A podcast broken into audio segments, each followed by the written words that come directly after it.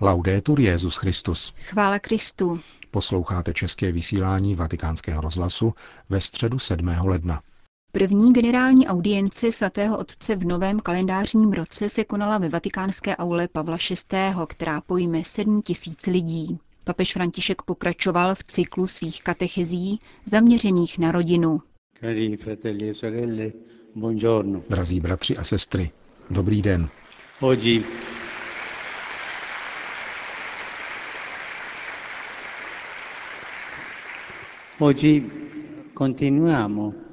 dnes budeme pokračovat katechezí o církvi a přemýšlet o matce církvi. Církev je matka, naše svatá matka církev. V těchto dnech nám liturgie církve klade před oči ikonu Matky Boží Pany Marie. První den roku je slavnost Matky Boží a potom následuje slavnost zjevení páně, připomínka příchodu mudrců. Evangelista Matouš píše, vstoupili do domu a spatřili dítě s jeho matkou Marií, padli na zem a klaněli se mu. Je to matka, která po jeho porodu představuje syna světu. Ona nám dává Ježíše, ukazuje nám Ježíše, umožňuje nám spatřit Ježíše. Pokračujeme v katechezích o rodině a v rodině je matka. Každý člověk vděčí za svůj život matce a mnoho jí vděčí téměř vždycky za svůj další život, za lidskou a duchovní formaci. A třeba, že je matka symbolicky vynášena množstvím poezie a spoustou krásných věcí, které se o matce říkají, není dopřáváno sluchu, nedostává se jí pomoci v každodenním životě a její ústřední postavení ve společnosti je málo bráno v úvahu. Ochota matek obětovat se pro děti bývá dokonce využívána, aby se ušetřilo na sociálních výdajích. I v křesťanské komunitě se někdy stává, že matka není dostatečně brána v potaz a málo si jí naslouchá.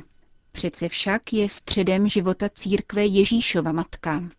Matkám ochotným k mnoha obětem pro svoje děti a nezřídka i pro děti druhých by se asi mělo dostávat více sluchu. Je třeba více chápat jejich každodenní boj, když se snaží být efektivní v práci, pozorné a vnímavé v rodině. Je třeba lépe chápat, po čem matky touží, když usilují o lepší a autentičtější plody svojí emancipace. Matka s dětmi má vždycky nějaké problémy, vždycky má práci. Vzpomínám si, že doma, kde nás bylo pět dětí, jedno chtělo něco, druhé myslelo na něco jiného a ubohá maminka chodila od jednoho ke druhému. Byla však šťastná a dala nám toho hodně. Le madri sono l'antidoto più forte Matky jsou nejúčinnější protilék na šířící se sobecký individualismus. Individuum znamená to, co nelze dělit. Matky se však dělí, jakmile přijmou dítě, aby jej přivedli na svět a vychovali. Právě matky nejvíce nenávidí válku, která zabíjí jejich děti. Častokrát myslím na matky, které dostali dopis, ve kterém jim bylo oznámeno, že jejich syn padl při obraně vlasti. Ubohé ženy, kolik jen trpí matky. Ony dosvědčují krásu života. Arcibiskup Arnulfo Romero říkával, že matky žijí mateřským mučednictvím. V homílí na pohřbu jednoho kněze zavražděného eskadrami smrti řekl s odkazem na druhý vatikánský koncil. Všichni musíme být připraveni zemřít za svoji víru, i když se nám této cti od pána nedostane. Dát život neznamená jenom být zabit. Dát život, mít mučednického ducha, znamená splnit povinnost, mlčky v modlitbě, poctivým plněním povinností v každodenním mlčení života, postupným dáváním života. Ano, jako to činí matka, která bezbázně v jednoduchosti mateřského mučednictví počne ve svém lůně dítě, přivede jej na svět, kojí, chová jej a něžně se o ně stará. Tak se dává život. Je to mučednictví. Tolik citát. Ano, být matkou neznamená jenom přivést dítě na svět. Nýbrž je to také životní volba. Co volí matka? Jaká je volba matky? Životní volbou matky je darovat život. A to je velkolepé. To je krásné. Una società senza madri sarebbe una società disumana. Společnost bez matek by byla nelidská, protože matky dovedou vždycky i v nejhorších momentech dosvědčovat něhu, oddanost, mravní sílu.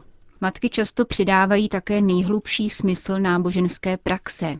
V prvních modlitbách, v prvních gestech zbožnosti, které se dítě naučí, je vepsána hodnota víry v život lidské bytosti. Je to poselství, které věřící matky umějí předávat bez mnohého vysvětlování. To přijde potom, avšak zárodek víry spočívá v o něch prvních, nejdrahocenějších momentech. Bez matek by nejenom nebyli noví věřící, ale víra by ztratila značnou část své jednoduché a hluboké vroucnosti. A spolu s tím vším je církev naší matkou. Nejsme sirotci, máme matku. Matku Boží, matku církev a naši matku. Nejsme sirotci, jsme děti církve, jsme děti Matky Boží a jsme děti našich matek. Carissime mamme, grazie. Grazie per ciò che siete nella famiglia. Drahé maminky, díky. Díky za to, co jste v rodinách a za to, co dáváte církvi a světu. A tobě, milovaná církvi, díky. Díky, že jsi matkou. A tobě, Maria, Matko Boží, díky, že nám ukazuješ Ježíše, a díky všem zde přítomným maminkám, které zdravíme potleskem.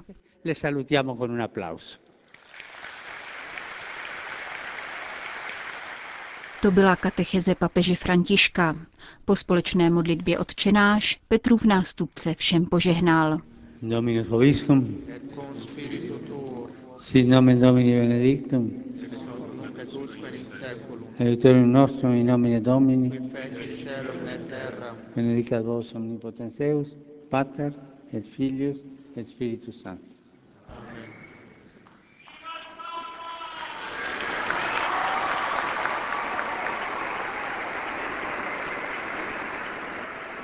Další zprávy. Kijev. Jak papež František vzpomenul při úterní polední modlitbě Anděl Páně, pravoslavné a východní katolické církve dnes slaví Kristovo narození. Mezi nimi je také řecko-katolická církev na Ukrajině. Kijevsko-haličský arcibiskup Světoslav Ševčuk o letošních válečných Vánocích promluvil pro vatikánský rozhlas. V tomto roce Vánoce slavíme v kontextu války.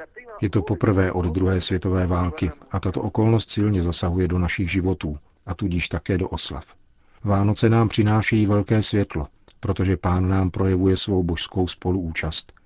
Vnímáme to jako skutečnou úlevu, protože už nejsme sami na zvládání svých těžkostí.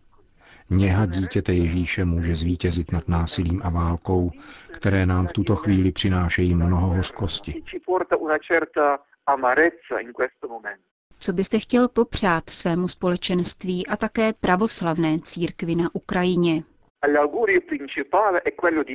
Hlavním přáním je mír. Ukrajina volá, pane, daruj nám svůj pokoj.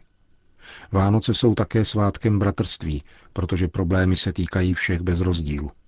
Mohu dosvědčit, že cítíme opravdu bratrskou podporu všech ukrajinských křesťanů různých vyznání. Existuje tu jakýsi praktický ekumenismus, který je křesťanskou odpovědí na válku, násilí, hlad a chlad ukrajinské zimy. Jsme křesťané a stojíme spolu, a nikoli sami, nýbrž s týmž Bohem. V tom je naše naděje. Jak řecko-katolická církev na Ukrajině vnímá diplomatické kroky hledající řešení krizové situace?